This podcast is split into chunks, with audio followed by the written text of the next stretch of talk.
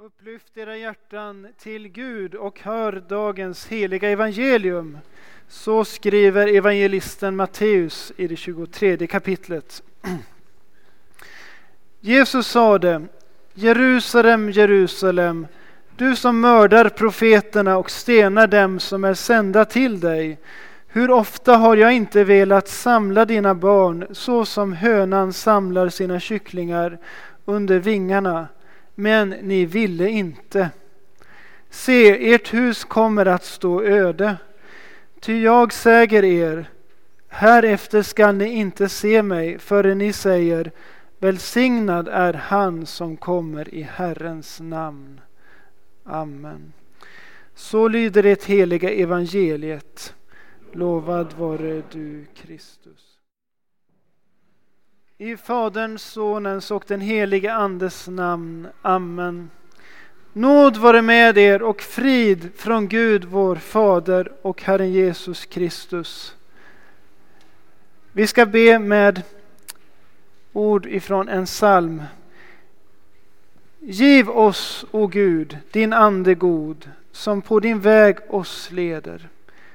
Upplyser, styrker, håg och mod och nådigt oss bereder, att vi ditt ord kan rätt förstå och oss därefter ställa så att ditt namn alltid helgas. Och kära Jesus, vi ber att du är med oss den här stunden. Vi ber om din gode heliga Ande. I Jesu namn. Amen. Det har blivit rätt populärt på senare år i vårt land att ha höns. Inte bara på landet utan också inne i tätbebyggda områden. Här var i våra städer så kan man överraskas av att helt plötsligt befinna sig mer eller mindre omgiven av höns. Och hemma hos oss i Alingsås så har vi en hönsägare faktiskt längs cykelvägen in mot stan. Och häromdagen när jag cyklade förbi där så, så såg jag att de här hönsen var ute och gick och traskade, inte bara över cykelvägen utan också faktiskt in i grannens villatomt. Eh, höns uppehåller sig oftast i närheten av tuppen. Men de är ju ganska utsatta där, man, där de går och skulle man inte vara uppmärksam som cyklist så hade det mycket väl kunnat vara så att man rent av körde på ett par hönor. Särskilt gulliga är kycklingarna om man får syn på sådana. Det ser vi kanske inte så ofta i, i Sverige så, men jag tror att på Jesu tid i Israel så var det vanligt att man såg kycklingar röra sig runt hönsmamman. Och även tror jag tidigare i vårt land så var det en vanlig syn. I dagens evangelietext liknar Jesus sig själv vid just en hönsmamma och oss människor vid kycklingar. Och den här hönsmamman befinner sig inte i hönshuset och dess nät som ger trygghet och säkerhet mot yttre fiender. Nej, här är det just en sån situation som jag beskriver, nämligen att hönorna rör sig ofta fritt ute på marken. Och just i en sån situation så är det hönsmammans allra särskilda uppgift att beskydda sina kycklingar. Det kan vara en helt avgörande uppgift om kycklingarna ska undgå döden. Och det är då rovfåglar och särskilt den blixtsnabba höken som kan inom ett ögonblick dyka ner och nafsa till sig en kyckling som hamnat på avstånd. För att nu inte tala om räven där kycklingarna är riktiga läckerbitar. Men för den kyckling som håller sig in till hönan så finns det beskydd, så finns det trygghet. Där finns räddningen. Snabbt kan kycklingen rusa dit och få det skyddet som, kyckling, som, som hönan vill ge. Jesus gråter över Jerusalem, hörde vi i dagens evangelietext. Varför gör han det? Vad är det han är ledsen över? När detta skildras så har Jesus vandrat omkring i Israel, haft sina aktiva år och hans jordevandring går mot sitt slut. Han går mot sitt lidande på korset. Det går mot hans bortgång. Nu gråter Jesus över Jerusalems barn, över de människor han velat samla till sig. Hur ofta har jag inte velat samla dina barn så som hönan samlar kycklingarna under sina vingar. Men ni ville inte. Ni ville inte. Jesus säger att på samma sätt som hönan vill ge trygghet och skydd så vill jag ge det till er. Mot de faror som ni är utsatta för. Han liknar Jerusalems barn just vid de här kycklingarna som rusar omkring. Men som gör någonting märkligt. För att den normala kycklingen älskar ju sin mamma. Och jag tror att ni barn älskar också er mamma. Det är det sunda, det naturliga. Att ni söker er till mamman. Där har ni er, er anknytning, ert skydd. Och det är gott och riktigt att det är på det viset. Och på samma sätt den normala kycklingen älskar sin mamma och vet att det är under hönans vingar det finns trygghet. Det är där det finns skydd.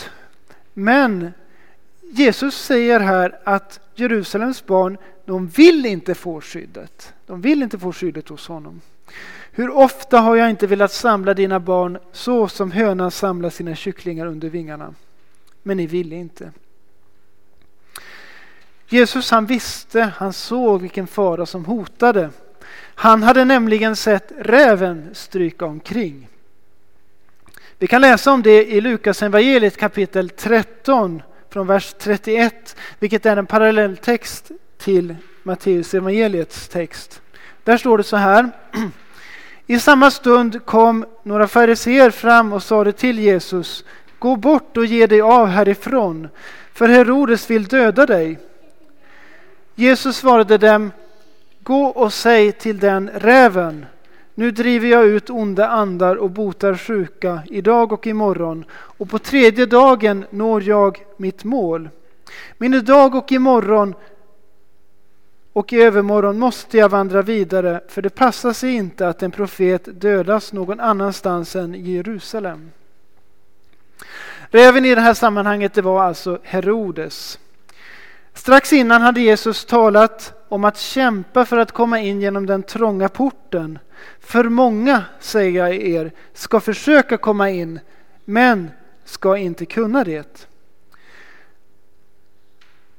Och han hade sagt att när husets herre stigit upp och stängt porten och ni står utanför och bultar och säger Herre, öppna för oss, då ska svaret bli Jag vet inte varifrån ni är så ska de börja hänvisa till att de har ätit och druckit när Jesus varit med och att han har undervisat på gatorna. Men de ska få till svar. Jag vet inte varifrån ni är. Gå bort ifrån mig, alla ni som bedriver orättfärdighet. Trots dessa varningar så stegar nu fariseerna fram till Jesus och uppmanar honom att bege sig därifrån. Herodes vill döda honom, säger de. Är det Herodes som är folkets rätte herre? Är det honom som folket borde följa och så att säga frukta? Nej, Herodes han var ju bara en människa. Han var en hotfull människa. Jesus kallar honom för räven. Han var en sån som ville komma åt kycklingarna. Nappa åt sig dem och sluka dem. Herodes Antipas, som han också heter, var landsfurste och han regerade på uppdrag av romarna över Galileen och Pereen. Han var också den som, ni kanske minns, han lät fängsla och sen också döda Johannes döparen. Johannes döparen som hade varit vägröjaren till Jesus. Jesus han visste alltså vilken mördare Herodes var. Utifrån vad han hade gjort bland annat mot Johannes. Men Herodes han var också en sån som höll människor borta från Jesus. Han höll människor under sitt skräckvälde. så att de inte kunde komma till Jesus och bli räddade. Han var helt enkelt en räv, en sån som nappar åt sig kycklingar. Men nu var det inte bara Herodes som utgjorde faran, eller ens den största faran för Jerusalems barn. Jerusalem, Jerusalem, du som mördar profeterna och stenar dem som är sända till dig. Ja, så klagar Jesus. Mördar profeterna, det är starka anklagelser. Hade de verkligen gjort det? För att få sammanhanget här behöver vi titta lite närmare på det avsnitt som föregår texten i Matteus evangeliet kapitel 23. För där möter vi Jesu klagorop över fariseerna. Sju gånger säger Jesus Ve er skriftlärda och fariseer. Och så ropar han ut ni hycklare. Och vad betyder hycklare? Ja, så som jag har förstått det så betyder det ungefär ni som spelar ett skådespel. Ni som utger er för att vara någon annan än den som ni i själva verket är. Ni hycklare. Jesus han är, han är mycket hård i sin, sin dom. Han säger för det första till fariséerna och skriftlärda. Ni stänger himmelriket för människorna. Själv går ni inte in och dem som, ni vill komma in, som vill komma in hindrar ni från att komma in. För det andra, ni far omkring över hav och land för att göra en enda till proselyt och när han blivit det gör ni honom till ett Gehennas barn, dubbelt värre än er själva. För det tredje, svär man vid templet betyder det ingenting, men svär man vid guldet i templet är man bunden vid sin ed. Så resonerade de. För det fjärde säger Jesus, ni ger tionde av mynta, dill och kummin, men försummar det viktigaste i lagen, rättvisan, barmhärtigheten och troheten. Och här har vi de kända orden, ni silar mygg och sväljer kameler. För det femte, ni rengör utsidan av bägaren och fatet, men inuti är de fulla av rofferi och hämningslöshet. Blinde farisé, rengör först insidan av bägaren så blir också utsidan ren. Och Jesus fortsätter för det sjätte, ni liknar vitkalkade gravar. Utanpå ser de fina ut, men inuti är de fulla av de dödas ben och all möjlig orenhet. Så är det också med er. Utanpå ser ni rättfärdiga ut inför människor, men inuti är ni fulla av hyckleri och ondska. Och avslutningsvis, för det sjunde säger Jesus, ve er ni skriftlärda och fariseer, ni hycklare, ni bygger profeternas gravar och smyckar det rättfärdigas gravmonument och säger, hade vi levt på våra fäders tid så hade vi inte varit medskyldiga till profeternas blod. Så vittnar ni om er själva att ni är söner till dem som mördade profeterna. Fyll då också ni era fäders mått. Ormar, huggormsyngel, hur ska ni kunna undgå att dömas till Gehenna? Ja, det är verkliga allvarsord vi möter ifrån Jesus. Från frälsaren som är så full av kärlek till alla människor. Var det rimligt det Jesus säger här? Är han inte för hård? I vers efter vers skildrar Jesus hur också fromma fariseerna och de skriftlärda var. Det var djupt religiösa saker de höll på med. För de bedrev mission. De for till och med över hav och land för att omvända hedningar till judendomen. De tillät inte att människor lovade saker och ting eller svor vid något utan att det fick konsekvensen att de skulle hålla vad de hade sagt. De såg till att ge tionde av mynta, dill och kummin. Vi kan tänka på tiondegivande. De såg till att inte leva i grova synder och omgiv som omgivningen kunde så att säga anklaga dem för, utan de såg verkligen till att utsidan av bägaren och fatet var rent. De såg det verkligen som någonting viktigt att framstå som rättfärdiga inför människor. Så att inte andra skulle ha någonting att anklaga dem för. Slutligen hade de till och med smyckat profeternas och de rättfärdigas gravar. Men trots allt detta, trots alla dessa goda tilltag så utropar Jesus ve er. Vore det inte rimligt av Jesus att berömma dem för alla deras ansträngningar? Nej, det är domsord som faller och det är domsord över deras egen rättfärdighet. Det är det som Jesus dömer. Över att de tänkte sig ha sin sak klar med Gud, bara de skötte sig på det religiösa planet, bara de upprätthöll dessa goda ordningar. Ve er, ormar, huggormsyngel, säger Jesus. Hur ska ni kunna undgå att dömas till Gehenna? Nog hade Jesus orsak att gråta över de skriftlärda och fariseerna. För genom sin egen rättfärdighet, sin självrättfärdighet, så stängde de, ställde de sig själva utanför Guds rike.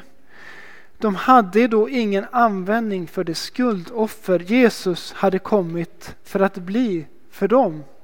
De stängde sig för nåden i sina egna liv.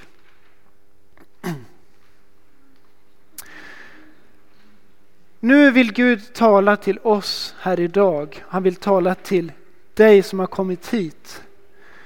Hur har du ställt det i relationen till Jesus? Har han fått bli den frälsaren som fått ta hand om dig i alla avseenden? Har han fått bli allt för dig på samma sätt som hönan är allt för kycklingen? Eller är du en av dem som Jesus ännu sörjer över och där han måste konstatera, ni ville inte. Ja, att du är alls är här i kyrkan idag, det visar väl åtminstone att du inte är en hedning vilken som helst, tänker jag. Du kanske inte är en sån som söker dig till världsliga makthavare såsom till Herodes. Det är inte hos en Herodes du söker ditt skydd. Och jag tror heller inte att du sitter hemma och broderar breda böneremmar och stora hörntofsar så som de skriftlärda och fariseerna gjorde för att bli sedda av människor. Nej, det är inte där problemet sitter utan det är i hjärtat. Gud ser till din relation till sin son. När Jesus grät så var det inte för att människor höll sig på fysiskt avstånd ifrån honom. Tvärtom var det många som sökte sig nära Jesus och trängde sig in på honom. Ofta så att det var riktigt trångt där Jesus var. Nej, Jesus han grät över egenrättfärdigheten. Över att människor inte behövde honom som sin personliga frälsare. Behöver du Jesus som din personliga frälsare? Det är en sång av Lina Sandell som har blivit stor för mig, som har träffat mig. Jag ska läsa några verser, vi ska också sjunga den efter predikan. Hon frågar, vad anser du om Kristus? Vad är väl han för dig? För dig som nås idag av dessa orden. Har han Ja, har han för ditt hjärta fått uppenbara sig och har du liv i honom här på jorden? Är han din enda tillflykt, den enda väg för dig, ditt enda hopp i livet, din enda trygghet? Säg, är han din enda tröst mot dina synder? Det går an att söndag efter söndag komma till kyrkan och ändå ställa sig utanför alltsammans. För om inte du har kommit till Jesus med alla dina synder så är du ännu en av dem som Jesus gråter för. Djävulen vill inte att du ska komma till Jesus med alla dina synder. Och för honom har det ingen betydelse vad det är som håller dig på avstånd ifrån Jesus. Om det är att du alls inte kommer till kyrkan, om det är att du går till ett ställe där du så att säga inte får höra ett ord som träffar dig. Eller om det är någon särskild synd som du inte vill bekänna. Djävulen han är nöjd så länge Jesus inte betyder allt för dig. Vad anser du om Kristus? Är han för dig ej mer än frihet, vishetsläraren bland många andra? En förebild du kanske för dina ögon ser, där du i självrättfärdighet vill vandra. Men är han inget annat än bara fyllnadssten i något fromhetsbygge du redan satt i scen, så lite nytta du då har av Kristus. Tänk att Jesus kan bli så att säga fyllnadssten i vårt eget fromhetsbygge. För väldigt många människor är det så och för många människor har det varit så. Och de har gått evigt förlorade för att Jesus aldrig fick bli något mer än så för dem. Jesus han sträcker idag ut sina armar till dig. Ni kan tänka på den bilden som vi har på den eh, väggen där, den statyn. Jesus han vill att du kommer till honom också, inte bara med dina grova synder utan med all egen rättfärdighet. Han vill att du bekänner för honom även det du anser har lyckats bäst i ditt liv. För även för dina bästa gärningar har Jesus gått i döden. Det var så att han såg att det var mycket värre ställt med oss än vad vi själva tänker oss att det är.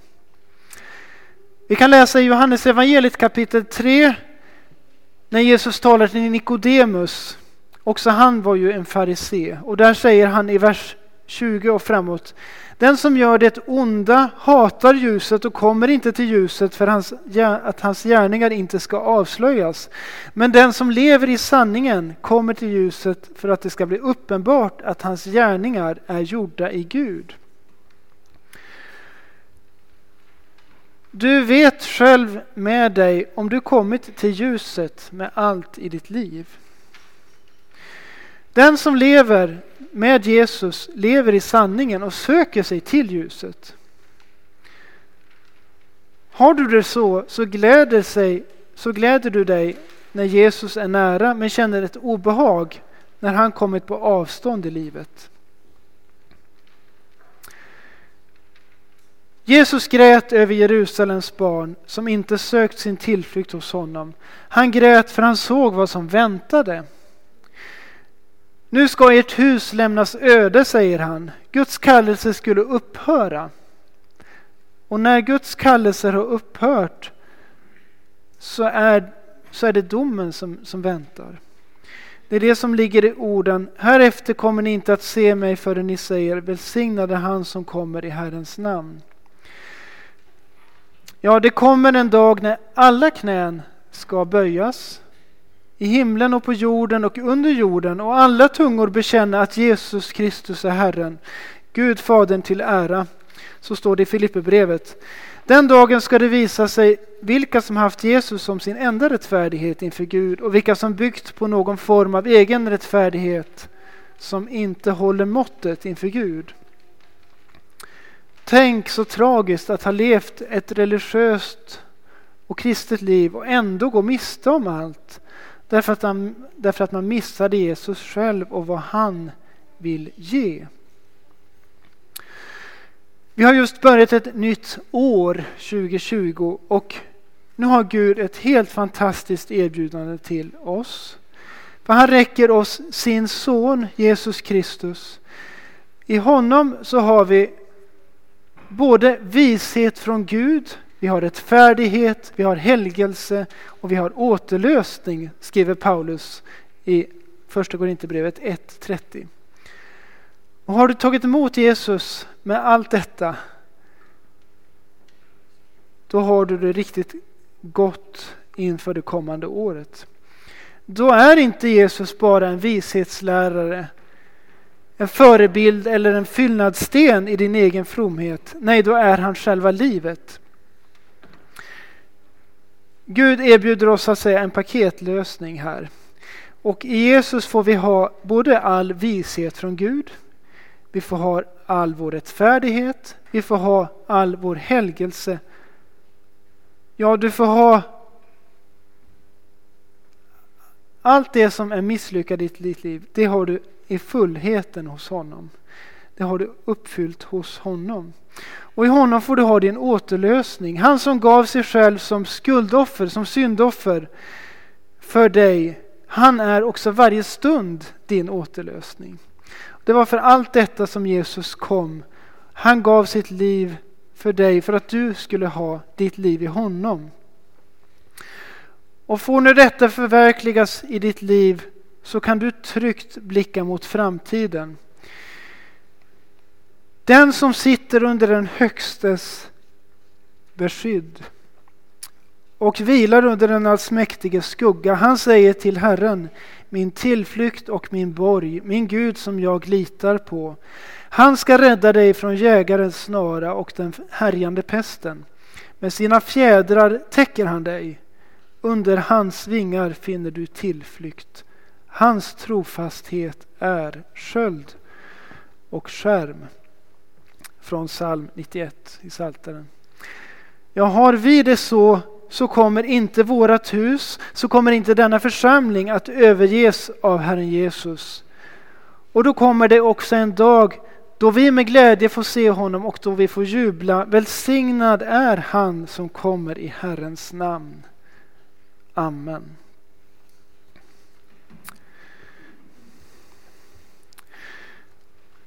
Låt oss nu gemensamt bekänna vår heliga kristna tro. Vi tror på Gud Fader allsmäktig, himmelens och jordens skapare. Vi tror och på Jesus Kristus, hans enfödde Son, vår Herre, vilken är avlad av den helige Ande, född av jungfrun Maria, pinad under Pontius Pilatus, korsfäst, död och begraven, nederstigen till dödsriket, på tredje dagen uppstånden igen ifrån de döda, uppstigen till himmelen, sittande på allsmäktig Gud Faders högra sida, därifrån igenkommande till att döma levande och döda. Vi tror och på den helige Ande, en helig allmännelig kyrka, det heliga samfund, syndernas förlåtelse, kroppens uppståndelse och ett evigt liv.